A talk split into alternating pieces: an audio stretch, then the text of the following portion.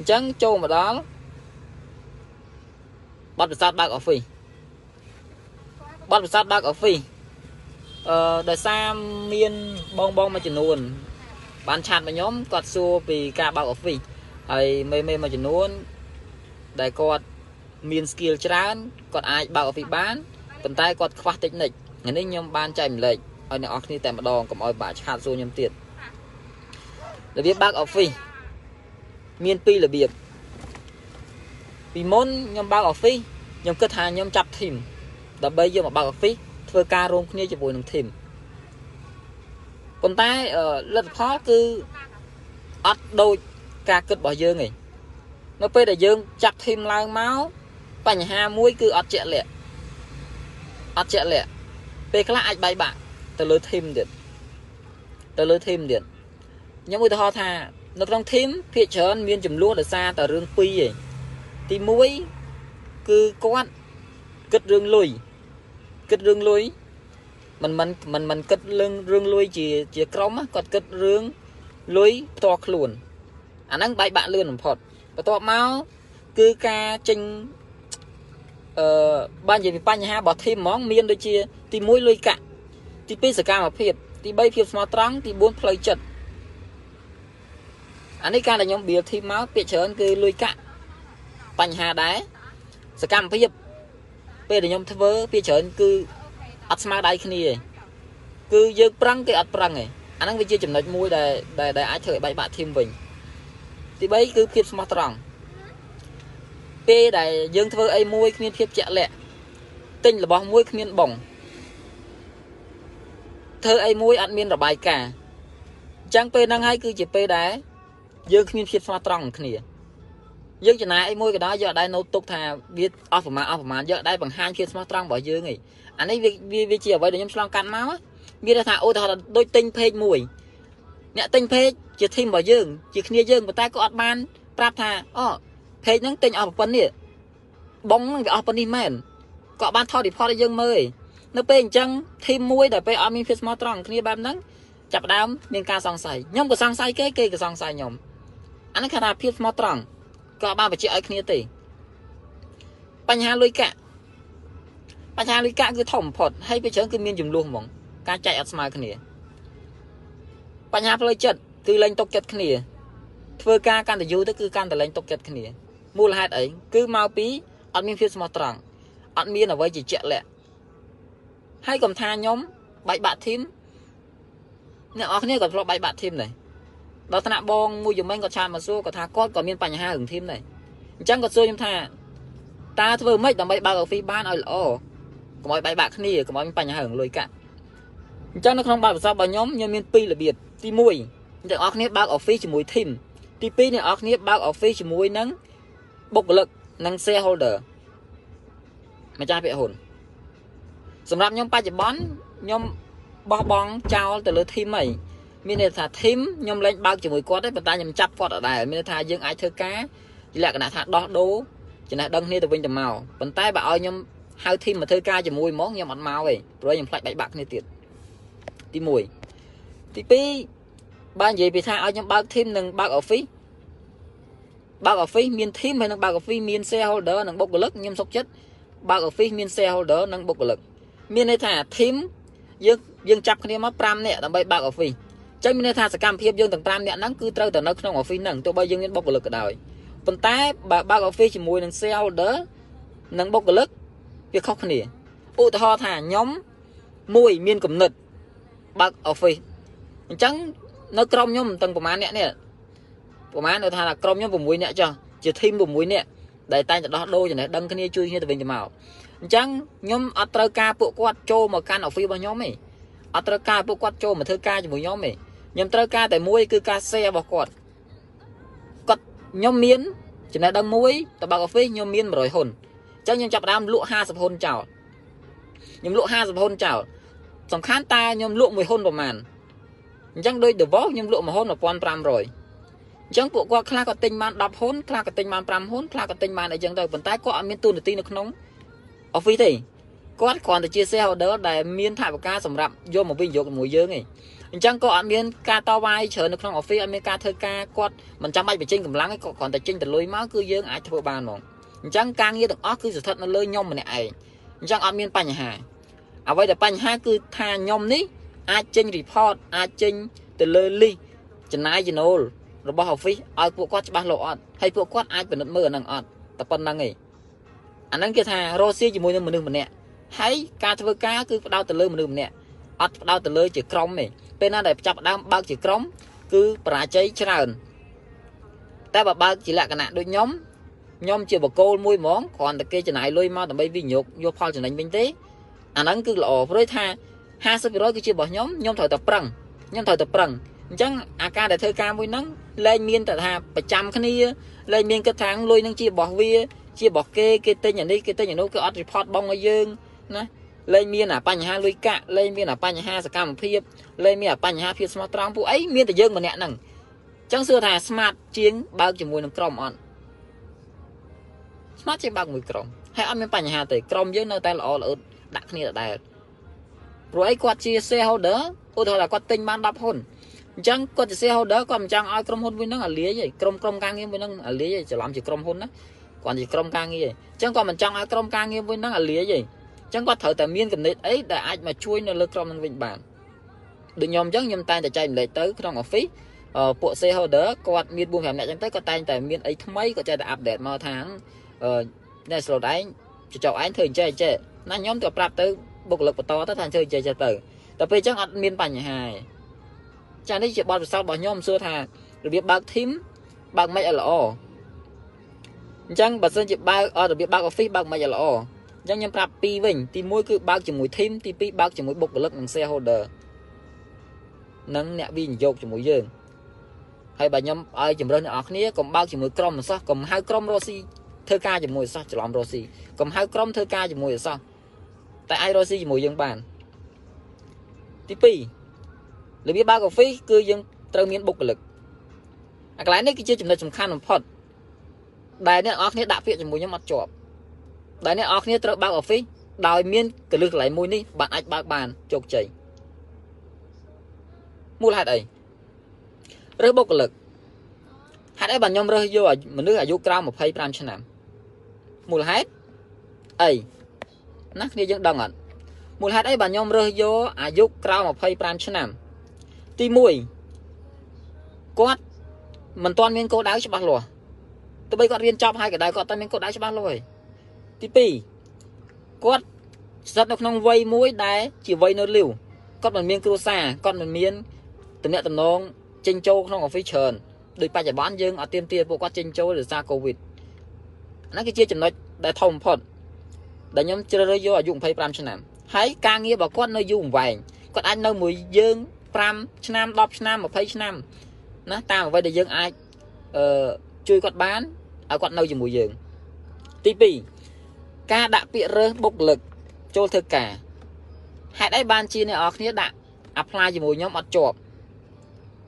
ពេលខ្លះខ្ញុំសួរអ្នកនរគ្នាគ្រាន់តែថា yes ហើយ no ឯពេលអ្នកនរគ្នាឆ្លើយតែ yes ឬមួយក៏ no គឺអ្នកនរធ្លាក់ធ្លាក់អូតូហ្មងមូលហេតុអីអ្នកខ្លះដាក់ពាក្យមកថាអញ្ចេះខ្ញុំចង់ធ្វើការឲ្យបងដែរចង់យកបទពិសោធន៍ចង់យកបទពិសោធន៍ពាក្យហ្នឹងមួយគឺធ្លាក់ហ្មងខ្ញុំឲ្យធ្លាក់ មនុស្សម្នាក់ដែលមកធ្វើការជាមួយខ្ញុំចង់បានបទពិសោធន៍ខ្ញុំឲ្យធ្លាក់ហ្មងខ្ញុំមកធ្វើការមនុស្សដែលចង់បានបទពិសោធន៍ពីខ្ញុំទេតែខ្ញុំចង់បានមនុស្សដែលធ្វើការជាមួយខ្ញុំបានយូរខ្ញុំសុកចិត្តយកមនុស្សល្ងងខ្ញុំអត់យកមនុស្សឆ្លាតទេព្រោះឯមនុស្សឆ្លាតនៅជាមួយគេដែលបានយូរឯងហើយមនុស្សឆ្លាតពេលខ្លះចេញវិញចាក់គេទៀតចាក់ខ្ញុំទៀតអញ្ចឹងការដាក់ពាក្យចូលធ្វើការគឺខ្ញុំប្រកាន់បំផុតខ្ញុំសួរនៅព័ត៌មានណាមួយចំនួនដែលខ្ញុំ គិតថាគាត់អាចនៅជាមួយខ្ញុំបានព្រោះអ្នកដែលនៅជាមួយខ្ញុំខ្ញុំមិនអោយពួកគាត់ក្រទេខ្ញុំមិនអោយពួកគាត់ល្ងងទេណាហងៃបដោះមនុស្សជាង30នាក់ខ្ញុំមិនអោយគាត់ល្ងងទេទី1ទី2ពេលធ្វើការដាក់ពាក្យធ្វើការហើយមិនទាន់ណាជាបុគ្គលិករបស់ខ្ញុំទេណាមិនទាន់ជាសមាជិករបស់ខ្ញុំទេអ្នកនរគ្នាត្រូវរងចាំធ្វើការជាមួយខ្ញុំរយៈពេល6ខែសិន Office Davos បើកខែ2 ខែ7បានផ្ទុះអញ្ចឹងមានន័យថា6ខែទើបខ្ញុំតម្លាក់ក្បាច់ទើបខ្ញុំប្រាប់ឲ្យអ្នកនរគ្នាធ្វើបានមូលហេតុអីខ្ញុំឧទាហរណ៍ដូចខ្ញុំខ្ញុំតែងតែខ្ញុំបានផុសលោកមុនថាមនុស្សប្រុសស៊ូចិត្តដាច់តែមិនចិត្តទុនខ្ញុំបានចិត្តទុនមួយទៅលើបងមួយម្សិលមិញតែខ្ញុំសុំបញ្ចេញឈ្មោះគាត់ហើយក៏អធិស្ឋានគាត់ដែរខ្ញុំលើកមកនិយាយនេះគាត់មានគ្រួសារគាត់អាយុច្រើនខ្ញុំនៅឃើញថាបងគាត់ តែងតែ follow តែងតែឆាតតែងតែនិយាយមួយគ្នាអញ្ចឹងណាខ្ញុំក៏គិតថាក្នុងចិត្តថាករណីលើកលែងមួយទៅហើយគាត់មកធ្វើការគាត់ដូចជាអាយុ34ពេលដែលមកដល់ប្រជុំចុងក្រោយពេលដែលមកដល់ក្នុង office ខ្ញុំប្រជុំម្ដងទៀតខ្ញុំថាអ្នកដែលធ្វើការជាមួយខ្ញុំក្រៅ6ខែមិនមែនជាផាត់នៅទេត្រឹមតែជាបុគ្គលិកដែលធ្វើការទៅតាមផ្នែកប៉ុណ្ណោះគាត់ថាគាត់នៅអត់បានទេ មូលហេតុអី6ខែគឺយូរបំផុតសម្រាប់គាត់អញ្ចឹងខ្ញុំសួរថាតើអ្នកនរគ្នាដាក់ពាក្យធ្វើការចូលក្រុមហ៊ុនមួយចូលកន្លែងការងារមួយអ្នកនរគ្នាចង់បានអីដូចថាឥឡូវមកមកចំពោះខ្ញុំពិតប្រកបចុះអ្នកនរគ្នាចូលមកដើម្បីយកចំណេះវិជ្ជាចេញទៅវិញហើយបើខ្ញុំឲ្យអ្នកនរគ្នាចូលមកខ្ញុំល្អប៉ុន្តែបើខ្ញុំអត់ឲ្យអ្នកនរគ្នាមកធ្វើការជាមួយខ្ញុំខ្ញុំអាក្រក់ប៉ុន្តែសួរថាអ្នកណាអាក្រក់មុនគេអ្នកនរគ្នាឆ្លាតទេមកធ្វើការជាមួយគេដើម្បីយកបទពិសោធន៍ទៅបើកខ្លួនឯងដើម្បីយកបទពិសោធន៍ទៅទៅធ្វើការងារនឹងមួយខ្លួនឯង ឆ្លាតក៏ប៉ុន្តែខ្ញុំក៏អត់ល្ងងដែរហេតុអីក្នុងរយៈពេលដែលខ្ញុំបៀលអ្នកនរគ្នាបរៀនអ្នកនរគ្នានេះខ្ញុំចំណាយទឹកភ្លើងការស្នាក់នៅណាផ្ទះមហូបអាហារខ្ញុំអត់ចង់បានអ្នកដែលមកត្រឹមមកយកបទពិសោធន៍ទៅវិញទេក្រុមហ៊ុនណាក៏ដោយព្រោះអីបើនិយាយពីក្រុមហ៊ុនវាខុសពី family team work ចេះដូចខ្ញុំរងថ្ងៃគេហៅថា family ទេគេមិនហៅក្រុមហ៊ុនទេបើក្រុមហ៊ុនគេមានការងារតាមផ្នែកឧទាហរណ៍ដូចរោងចក្រអញ្ចឹង ធ្វើការងាររោងចក្រអ្នកឯងធ្វើ10ឆ្នាំរបស់គ្នាឯងគ្មានជំនាញមួយដែរមូលហេតុអីបើអ្នកឯងទៅដេអ្នកឯងចេះតែដេមួយមុខគត់បើអ្នកឯងទៅកាត់អ្នកឯងចេះកាត់តែមួយមុខគត់អ្នកឯងទៅផុងចេះផុងតែមួយមុខគត់ធ្វើការ10ឆ្នាំចេញមកវិញសល់តែជំងឺឯងបើលុយចាយអស់ពេលខ្លះជាពាក់គេទៀតនិយាយពីអ្នកធ្វើការអង្គចាក់មិនមិនមិននិយាយប៉ះពាល់ដល់គាត់ប៉ុន្តែនេះអ្វីដែលខ្ញុំមើលឃើញខ្ញុំប្រៀបធៀបតែអញ្ចេះខ្ញុំតែប្រៀបធៀបបាប់បងប្អូនខ្ញុំថាបើសិនជាមានកូន កុំធ្វើការរោងចក្រឲ្យសោះរបៀងការងាររោងចក្រនឹងឲ្យទៅនៅកាជះគេសុកចិត្តទៅនៅកាជះគេវិញល្អជាងហេតុអីទៅនៅកាជះគេ10ឆ្នាំគាត់ចេះបើកាជះចំប៉ះផ្ទះលក់ចាប់ហួយវិញគាត់ដឹងពីរបៀបលក់ទៀតគាត់ដឹងថាចាប់ហួយយកចូលមកប្រមាណលក់ប្រមាណគាត់មានជំនាញមើលគឺជំនាញលក់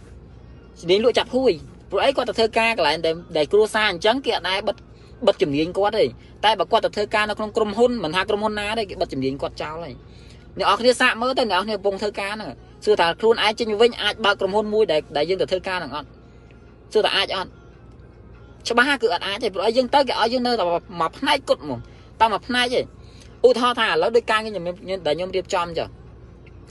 បុគ្គលិកមកក្រោម6ខែអ្នកឯងឡាយអ្នកឯងចេះតែឡាយមួយមុខគត់អ្នកឯងកាត់រឿងផុសអ្នកកាត់រឿងផុសតែមួយមុខគត់ សួរថាគាត់បានជំនាញគ្រប់គ្រងលើការងារមួយហ្នឹងអត់អត់បានទេអញ្ចឹងមកខ្ញុំតែងតែនិយាយថាបុគ្គលិកក្រៅ6ខែគុំរំពឹងថាចង់បានចំណេះជំនាញពីខ្ញុំមូលហេតុអីក្នុងរយៈពេល6ខែគឺខ្ញុំអាចមើលទឹកចិត្តអ្នកនរគ្នាបានថាអាចនៅមួយខ្ញុំបានយូរអត់ធ្វើនេះមិនមែនដើម្បីខ្លួនឯងទេគឺដើម្បីទី1ដើម្បីខ្លួនឯងទី1ដើម្បីគាត់គេថារួមគ្នារស់មិនមែនមកយកតែចំណេះឆាយទៅវិញអញ្ចឹងខ្ញុំវាមិនខ្លាចជាសัตว์លីទេហៅថាល្ងង អញ្ចឹងអត់ទេមនុស្សដែលនៅជាមួយខ្ញុំខ្ញុំមិនដែលឲ្យធ្លាក់ទេមានមនុស្សច្រើនអូហ្វីសទី1មានគ្នា6នាក់មានមង្រាក់អំណាចណាគ្នាមកកណោទៀតឥឡូវឡើងបើកអូហ្វីសអស់ហើយកាន់កាប់អូហ្វីសអស់ហើយប្រាក់ខែរាប់ពាន់ហើយរកចំណូលបានដល់ខ្លួនឯងទៀត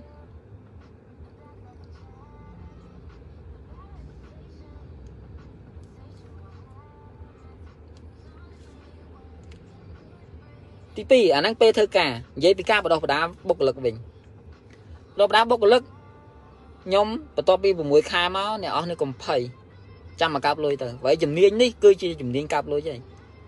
ណាជំនាញនេះគឺជាជំនាញកាប់លុយហើយហើយហេតុអីបានជាខ្ញុំទុកពេលឲ្យអ្នកនរគ្នា6ខែបាទខ្ញុំចែក skill អ្នកនរគ្នាមកងងឹតឈឹង ad break សួរថាស្គាល់ទេស្គាល់តែបើសួរឲ្យធ្វើចេះធ្វើអត់ចេះអ្នកខ្លះមិនចេះសំបីតែ log account មួយក៏មិនចេះផង ក្នុងពេល6ខែគឺជាពេលមួយដែលអ្នកនរគ្នាចាក់រឹសខ្លាំងមែនតើបាទជាពេលមួយអ្នកនរគ្នាត្រូវចាក់រឹសធ្វើផ្ទះមួយគេមិនមែនសង់សសរឡើងហ្មងទេគេចាក់គ្រឹះសិនអញ្ចឹងក្នុងរយៈពេល6ខែនេះគឺជាគ្រឹះរបស់អ្នកនរគ្នាហើយខ្ញុំបរៀនអ្នកនរគ្នាចាប់ពីកខរហូតដល់អមិនមែនរៀនអ្នកនរគ្នាពីថ្នាក់ទី12ត្រឡប់មកថ្នាក់ទី1ទេអញ្ចឹងអាក្នុងថ្ងៃដំបូងអ្នកចូលធ្វើការមួយខ្ញុំហ្នឹង គឺខ្ញុំបានរៀបចំការងារឲ្យអ្នកនរគ្នាក្នុងរយៈពេល6ខែដល់ពេល6ខែគឺអ្នកនរគ្នាអាចធ្វើបានហ្មងតោះណាអញ្ចឹងក្នុងរយៈពេល6ខែក្រោមនេះគឺខ្ញុំរៀបចំការងារអ្នកនរគ្នាធ្វើជាគ្រឹះទោះបីអ្នកនរគ្នាចេញពីខ្ញុំទៅក្នុងរយៈពេល6ខែខ្ញុំមើលអ្នកនរគ្នាខុសឬមកក៏អ្នកនរគ្នាខ្ញុំគ្មានសមត្ថភាពសម្រាប់គ្រប់គ្រងអ្នកនរគ្នាអ្នកនរចេញទៅក៏អ្នកនរអាចមានគ្រឹះស្ថានមួយដែលច្បាស់លាស់ដែរមិនមែនចេះលុំលុំមិនចេញទេមិនមែនចេះលុំលុំឲ្យធ្វើទេអញ្ចឹងក្នុងរយៈពេល6ខែសួរខ្លួនឯងវិញថា6ខែយូរអត់ អ្នកខ្លះក៏ថាអូយូរបង6ខែមកដល់6ខែខ្ញុំដាច់ខ្យល់បាត់ហើយចោះសួរថារងថ្ងៃនេះអាយុប្រហែលហើយហើយសល់អីខ្លះហើយហេតុអីបានជាចង់មកធ្វើការជាមួយខ្ញុំ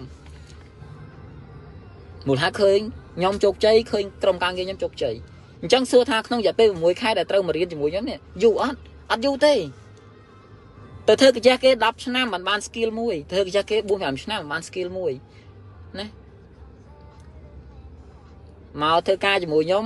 ដេកសុំសិនតិចធ្វើការសុំសិនតិចញ៉ាំឆ្ងាញ់ចុងភៅធ្វើមិនកាត់ដូរចុងភៅចោលទៀត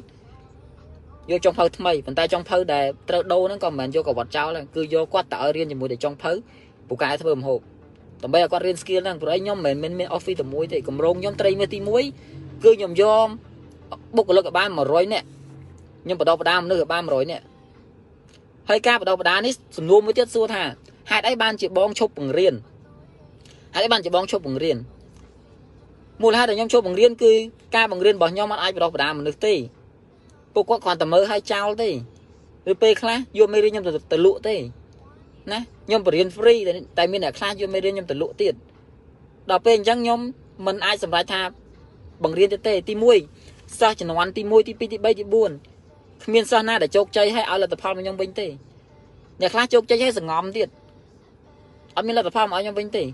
អញ្ចឹងសួរថាខ្ញុំជាគ្រូម្នាក់ជាអ្នកដែលរកបានម្នាក់ឧទាហរណ៍ថាឥឡូវដូចខ្ញុំបើកបរិញ្ញាបត្រ1វគ្គ2ចុះវគ្គ2ខ្ញុំយកច្រើនខ្ញុំយក500ដុល្លារប៉ុន្តែក្នុងពេលដែលថ្ងៃដែលខ្ញុំបរិញ្ញាហ្នឹងខែ3ឆ្នាំ2019ហ្នឹងខ្ញុំរកបានមួយខែ40000ដុល្លារមួយថ្ងៃ4000មួយថ្ងៃ3000ខ្ញុំរកបានហើយសួរថាខ្ញុំបើកបរិញ្ញាបត្រ10នាក់យកម្នាក់5000អស់យកម្នាក់500បានតែ5000ដុល្លារទេអ្នកខ្លះបងអត់គ្រប់ទៀតអ្នកខ្លះឲ្យតែពាក់កណ្ដាលទេអ្នកខ្លះឲ្យតែប្រាក់កក់150មុនទេព្រោះខ្ញុំនិយាយថា 500នេះបើសិនជារៀនចេះចាំឲ្យតែបើរៀនអត់ចេះទេទឹកចិត្តឬមួយក៏អត់មានទេក៏អត់ទៅអញ្ជើសួរទៅសោះទាំង4 10 20នាក់ហ្នឹងអ្នកខ្លះអត់ឲ្យខ្ញុំគ្រប់ទេអ្នកខ្លះគ្រាន់តែកក់លុយទេលុយកក់150ទេមូលហេតុអីខ្ញុំមិនដឹងថាទាមិនបើពួកគាត់អត់មានលទ្ធផលហ្នឹងតែសួរថាហេតុអីបើខ្ញុំបរៀនគាត់ថ្លៃម៉េះណាបរៀនមួយអាទិត្យ5000ដុល្លារប៉ុន្តែអត់ស្មើនឹងលុយតែខ្ញុំរកបានកាន់ដល់មួយថ្ងៃ3000ដុល្លារទេតោះណាអាពងអាផ្ទុះហ្នឹងគឺខ្ញុំទៅបរៀន មូលហេតុអីខ្ញុំចង់ឲ្យអ្នកនរគ្នាចេះរកលុយបានដូចខ្ញុំព្រោះខ្ញុំពីមុនក្រទេក្រទេណារកតែម៉ូតូអាគប់មួយជិះសឹងបានផងជិះទៅដើមបងជិះកាលហ្នឹងរស់នៅតាមធ្វើរ៉ូស៊ីតាមណា B Garden នេះ50រៀលមួយខែទេតែដល់ពេលខ្ញុំឡើងមានរសាយ ad break បាទខ្ញុំចង់ឲ្យអ្នកទាំងអស់គ្នាទៅជាមួយខ្ញុំដែរប៉ុន្តែលើកនេះខ្ញុំអត់យកសិស្សមូលហេតុសិស្សអត់មានលទ្ធផលខ្ញុំវិញខ្ញុំយកបុគ្គលិកឥឡូវបុគ្គលិកខ្ញុំមានលទ្ធផលដូចជា បងរៈប៉ុចបាននិយាយពី office របស់វិញខ្ញុំអត់និយាយទេព្រោះទោះបីជាពួកគាត់មិនបានច្រើនតែដោយភិរមមួយក៏គាត់បានមួយខែពី2000ហើយបច្ចុប្បន្នហ្នឹងមូលហេតុអីបាទគាត់រកបានប៉ុណ្ណឹងអញ្ចឹង office របស់ខ្ញុំអត់និយាយទេព្រោះ office របស់គឺ grow ហើយហើយអ្នកដែលចូលហ៊ុនជាមួយគាត់ដេកទៅសុបាយចិត្តទៅខែហ្នឹងបើកបាន4 5ម៉ឺនទុកលុយគាត់បើកចែកគ្នាចាយអាហ្នឹងនិយាយពី office របស់គឺជោគជ័យហើយ អញ្ចឹងមកសេរីមុនរៈប្រណាតប្រហួរណាបុគ្គលិក6នាក់កុំខ្លាចខ្ញុំរត់ចោលខ្លាចអ្នកនរគ្នារត់ចោលខ្ញុំឯងឲ្យតែអ្នកនរគ្នាមានសមត្ថភាពខ្ញុំមានលុយ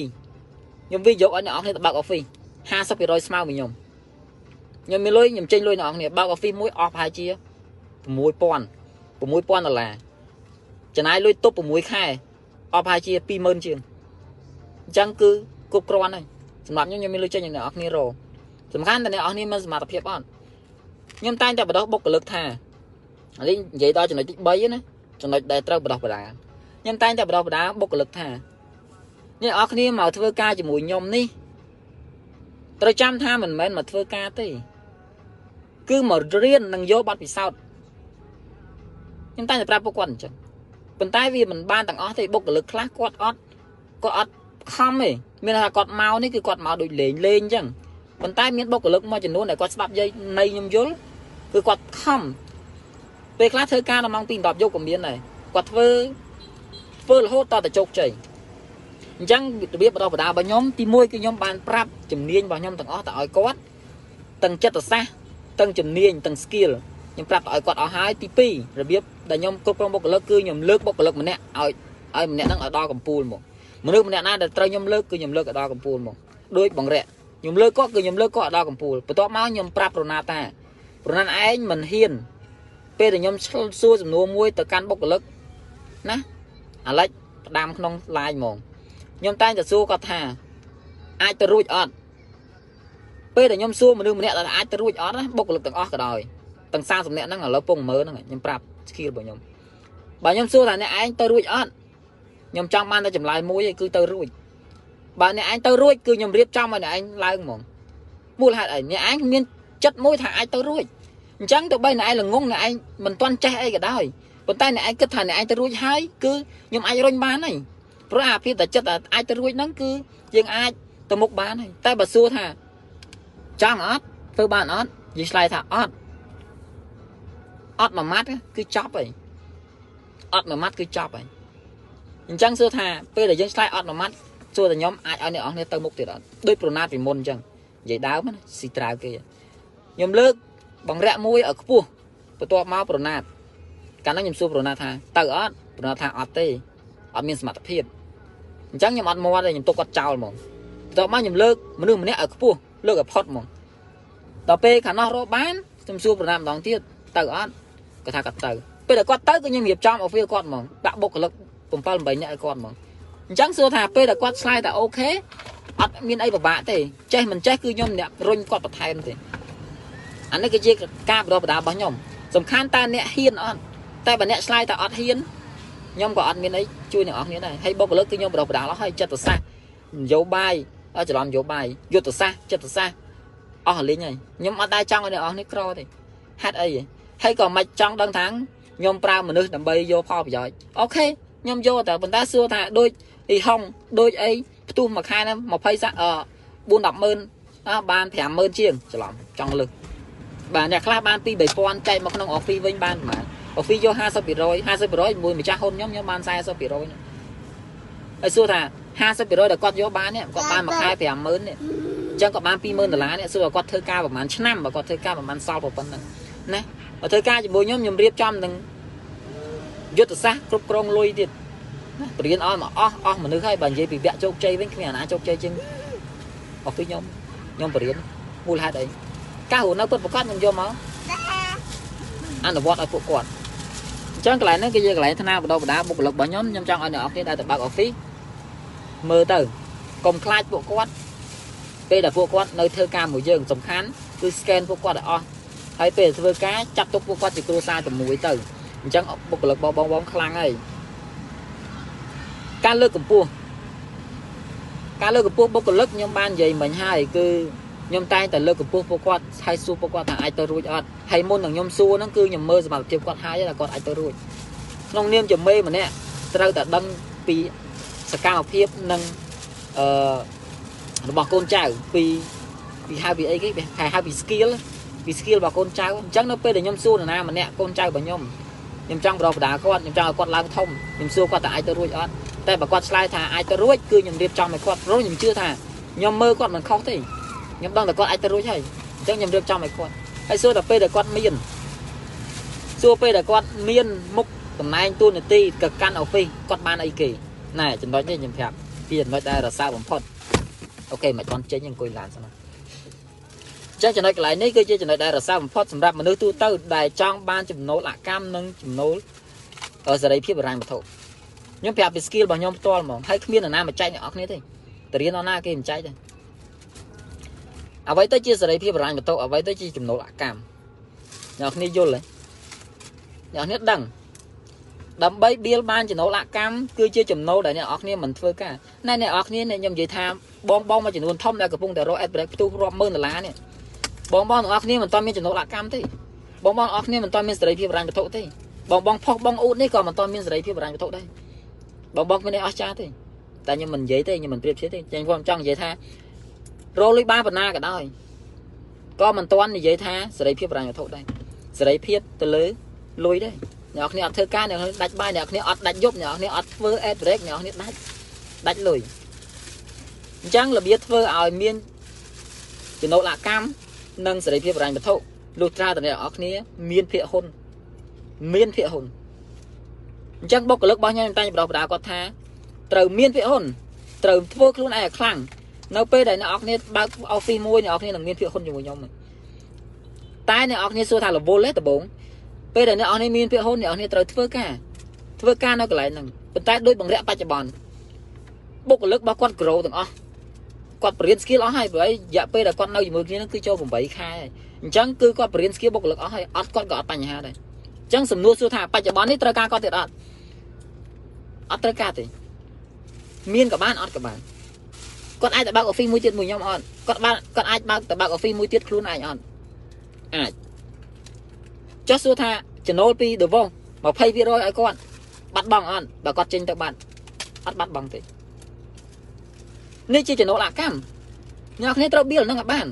បានហៅថាសេរីភាពបរិញ្ញាបត្រពិតប្រាកដតោះនេះសម្បីតែខ្ញុំមួយថ្ងៃក៏ខ្ញុំអត់និយាយថាខ្លួនឯងមានសេរីភាពបរិញ្ញាបត្រដែរមាន office 3 4មែនប៉ុន្តែចំណូលវានៅអត់ទាន់ថេខ្ញុំអត់ទាន់អាចដកខ្លួនបានទេអញ្ចឹងបុគ្គលិកទាំងអស់ខ្ញុំបានប្រាប់គាត់ដែរថាព្យាយាមពេលដែលធ្វើការមួយខ្ញុំនេះគឺជាពេលដែលបរិងសមត្ថភាពមិនមែនពេលខ្ជិលស៊ីបាយឲ្យដេកទេអ្នកអរគ្នាមកចោលផ្ទះចោលសបាយនេះគឺចង់មកមានបានចង់មករកចំណូលកម្ម ចង់មកជោគជ័យជាមួយខ្ញុំអញ្ចឹងខ្ញុំតែងតែលើកកម្ពស់ពួកគាត់ថាកុំខ្ជិលមកនេះគឺមកប្រឹងប្រែងធ្វើការការងារដែលល្អបំផុតគឺអាចាប់ដើមពីចំណុចតូចទៅខ្ញុំតែងប្រាប់ពួកគាត់ថាបុគ្គលិកខ្លះមកសម្បីតែចង់និយាយថានៅផ្ទះ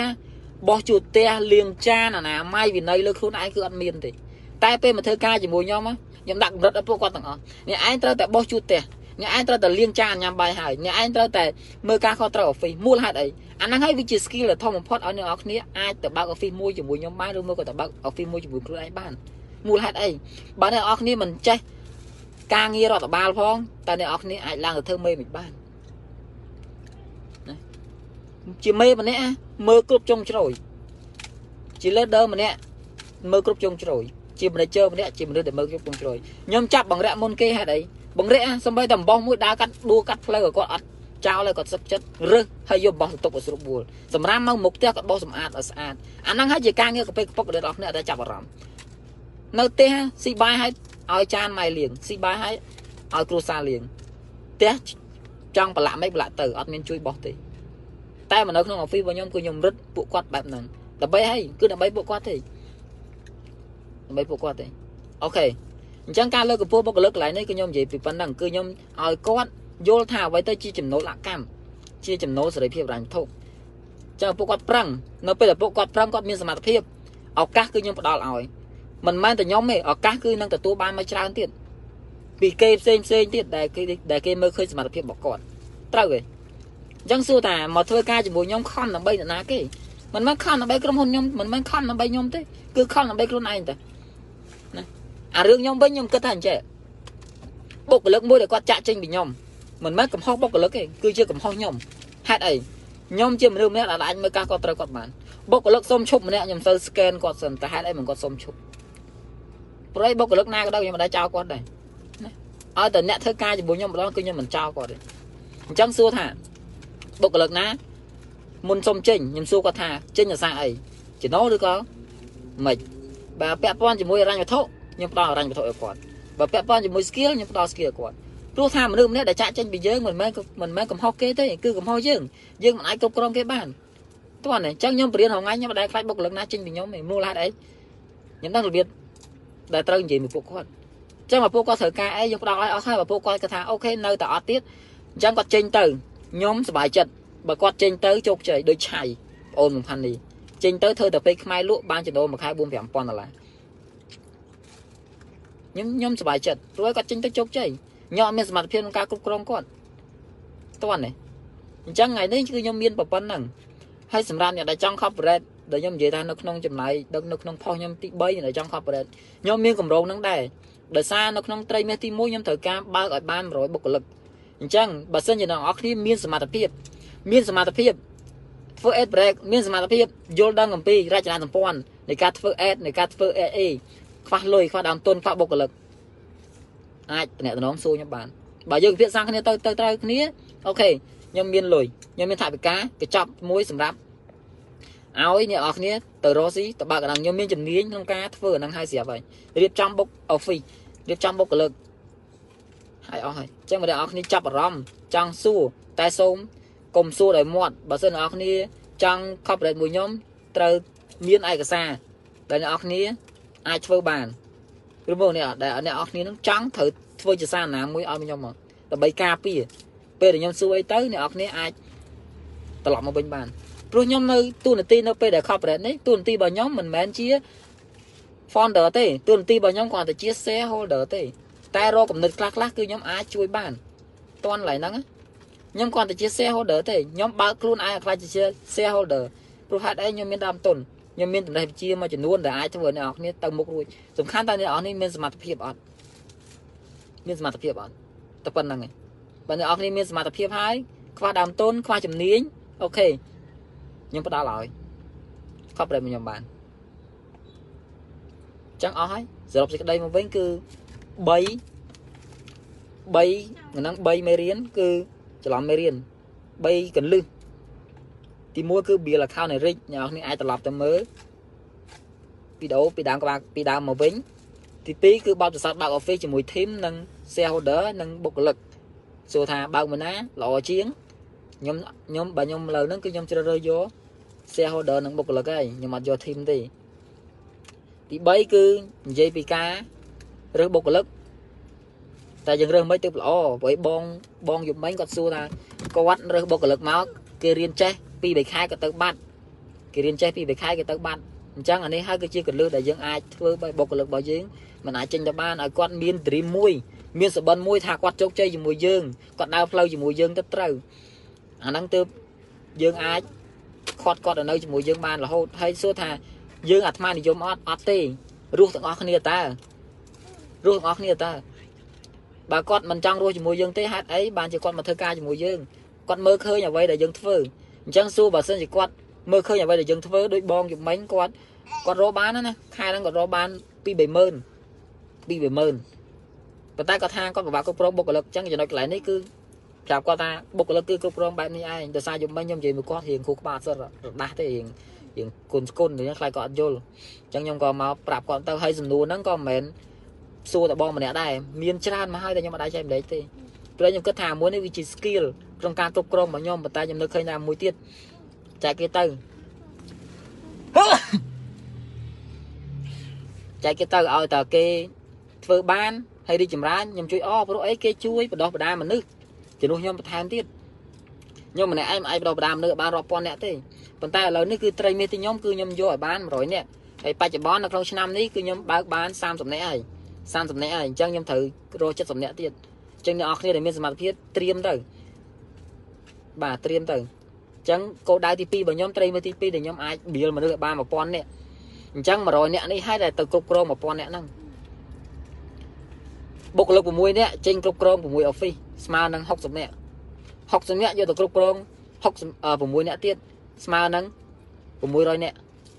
អញ្ចឹងតិចនិចរបស់ខ្ញុំអ្នកមកដំបូងគឺសំខាន់អ្នកមកដំបូងគឺ the best ដំបូងគេគឺល្អ ព្រោះអ្នកមានឱកាសច្រើនជាងអ្នកដែលមកក្រោយក្រោយអញ្ចឹងអស់ហើយមេរៀនខ្ញុំមានប៉ុណ្្នឹងហើយកន្លែងណាខ្វះខាតខុសឆ្គងឬមួយក៏អត់យល់អាចសួរបានតាមឆាតបាទតែបើឆាតមកម្ដងអត់តបទេកុំខឹងឆាតមកទៀតមកព្រោះពេលខ្លះគឺអត់បានស៊ីមទេឬក៏ពេលខ្លះរវល់អញ្ចឹងណាអរគុណបងហើយបើនិយាយពីរើសបុគ្គលិកខ្ញុំសូមអធិស្ឋានមួយដែរអ្នកនរគ្នាមិនឆាតសួរខ្ញុំទេពេលរើសគឺខ្ញុំនឹងពេលរើសខ្ញុំនឹង ផុសក្នុង Facebook ហើយមួយទៀតបុគ្គលិកជំនាន់ទី6លែងមានឱកាសល្អដូចជំនាន់ទី1ទី2ទី3ទី4ទី5ហើយព្រោះខ្ញុំមាន5ជំនាន់ហើយបុគ្គលិកជំនាន់ទី1គឺខ្ញុំផ្ដល់នៅប្រយោជន៍ឲ្យគាត់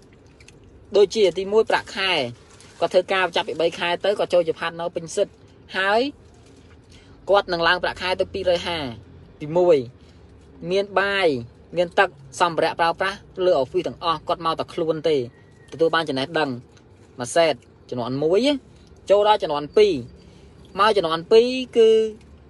អឺប្រាក់ខែអត់ឡើងទេប៉ុន្តែចែក commission មានន័យថារចនាប័ទ្មដូចអ្នកមួយដែរប៉ុន្តែពេលដែលគាត់3ខែបន្ទាប់ទៅគឺគាត់លេងទទួលបានប្រាក់ខែឡើងហើយគឺគាត់ទទួលបាន commission ហើយផ្ដាច់ប្រាក់ខែចោលទៀត ពេលដែលគាត់រក commission មួយ office អញ្ចឹងគាត់ខាតជាងអ្នកចំនួន1ចំនួន2ចំនួន3ចំនួន4ឡើងដល់ចំនួន5នេះអ្នកមកត្រូវមានចំនួន5មិនទៅរើសម្សិលមិញម្សិលថ្ងៃនេះចំនួន5ហ្នឹងអ្នកមកត្រូវមានសម្ភារៈ office ប្រើខ្លួនឯងមានដូចជាកុំព្យូទ័រត្រូវមានឲ្យខ្លួនឯង office ចេញឲ្យទេប៉ុន្តែនៅមានថ្លៃបាយការស្នាក់នៅអត់មានឲ្យពួកគាត់ចេញទេប៉ុន្តែចំនួនទី6នៅពេលដែលចំនួនទី6ដែលខ្ញុំបរិច office ថ្មីមួយទៀត អាហ្នឹងគឺ office ថ្មីហ្មងលេងឲ្យនៅមួយដវហើយអ្នកដែលរើសចំនួន5នេះគឺមកឲ្យនៅមួយដវអញ្ចឹងពេលដែលរើស office ថ្មីនេះទី1អ្នកនរគ្នាត្រូវមានសម្ភារៈ office ដោយខ្លួនឯងគឺកុំព្យូទ័រកុំព្យូទ័រដោយខ្លួនឯងទី2មកស្នាក់នៅរយៈពេល6ខែត្រៀមលុយសម្រាប់ថ្លៃបាយមួយខែ50រៀលផងខ្ញុំអត់ចេញឲ្យទេអស់ហើយប៉ុណ្ណឹងអញ្ចឹងមានថាអ្នកចាប់ពីចំនួន6ទៅត្រូវដោះស្រាយការរស់នៅ និងសម្ភារៈប្រើដោយខ្លួនឯង office អត់ចេញឲ្យទេឈប់ចេញឲ្យហើយព្រោះអីអ្នកកុំឲ្យខ្ញុំអត់គប្បីជាមួយអ្នកចំនួន5និងចំនួន1ព្រោះពី1ដល់5គេតស៊ូមួយខ្ញុំ2ឆ្នាំហើយបាទអញ្ចឹងមកល្អត្រូវអ្នកចំនួនទី5នេះហើយអ្នកដែលចូលបិទគូតម្សិលមិញ2អ្នកហ្នឹងអស់ហើយពួកគាត់គ្រាន់តែចំណាយទៅលើដើមទុនកុំព្យូទ័រឲ្យខ្លួនឯងទេតែបើអ្នកថ្មីមកអស់លុយទៀត មិនត្រឹមតែអស់សមាធិទេអាចនឹងចំនួនទី7អ្នកអាផ្លាយជាធ្វើបុគ្គលិករបស់ខ្ញុំខ្ញុំយកម្នាក់550ដុល្លារហើយមានសម្ភារៈប្រើខ្លួនឯងហើយលុយស្នាក់នៅទៀតខ្លួនឯងទៀតអូហ្វីសផ្ដល់តែកន្លែងស្នាក់នៅកន្លែងធ្វើការទេទឹកភ្លើងអីអូហ្វីសចេញប៉ុន្តែអាចនឹងអាផ្លាយចូលធ្វើការមួយខ្ញុំអស់ថ្លៃដោយថ្លៃរៀនអញ្ចឹងគឺ550ដុល្លារទៀតចឹងអានេះនិយាយពីគោលការណ៍របស់ខ្ញុំព្រោះអីហេតុអីបើខ្ញុំត្រូវធ្វើបែបហ្នឹង ទី1ទី2ទី3ទី4របស់ខ្ញុំគាត់ជោគជ័យអស់ហើយអ្នកឯងមកនេះគឺមកជោគជ័យអ្នកមិនមែនអ្នកឯងមកមករៀនមួយខ្ញុំទេអត់មិនមែនអ្នកឯងមកធ្វើបុគ្គលិកខ្ញុំទេគឺលក្ខណៈជំនាន់ទី6ឡើងទៅនេះគឺអ្នកឯងមករៀនពីខ្ញុំអ្នកឯងដឹងថាពួកគាត់ជោគជ័យហើយហើយបើអ្នកឯងមកអ្នកឯងនឹងជោគជ័យទៀតតោះណាត់បុគ្គលិកខ្ញុំ6 7អ្នកមានណាដបមានណាថាអត់បានលុយមួយខែអត់មានទេសិតតែពួកបានលុយទាំងអស់អញ្ចឹងសួរថាអ្នកអស់គ្នាមកជំនាន់ទី6មកធ្វើអីមកធ្វើបុគ្គលិកមិនមែនទេមករៀនពីខ្ញុំទេមកជោគជ័យជាមួយខ្ញុំទេ អញ្ចឹងខ្ញុំត្រូវតែយកថ្លៃខ្លះដើម្បីទៅបើក office គាត់វិញប្រែ office មួយបើកចន្លោះពីបើកភ្លានបើកថ្មី office មួយបើសិនជាអត់មានសម្ភារៈដូចជាកុំព្យូទ័រទេប្រហែលជាខ្ទង់4000ហើយនៅលុយទប់ភ្លើងទប់ទឹកគាត់រយៈពេល6ខែទៀតអញ្ចឹងអានេះគ្រាន់តែជាកន្សប់ខ្លះទេដែលខ្ញុំនិយាយសម្រាប់ឲ្យដឹងថាបើសិនជាបុគ្គលិកក្រោយក្រោយអាចនឹងមានការយកលុយមុនទៀតដែលចូលមកធ្វើជាបុគ្គលិកហ្នឹងអញ្ចឹងអស់ហើយមានប៉ុណ្្នឹងទេហើយសង្ឃឹមថាបងបងទទួលបាន skill ពីខ្ញុំច្រើនថ្ងៃនេះ ហើយខ្ញុំទៅទេហើយបើឥឡូវនៅមុខសុយសុខសុខគេមើលមុខច្រើនអូខេ goodbye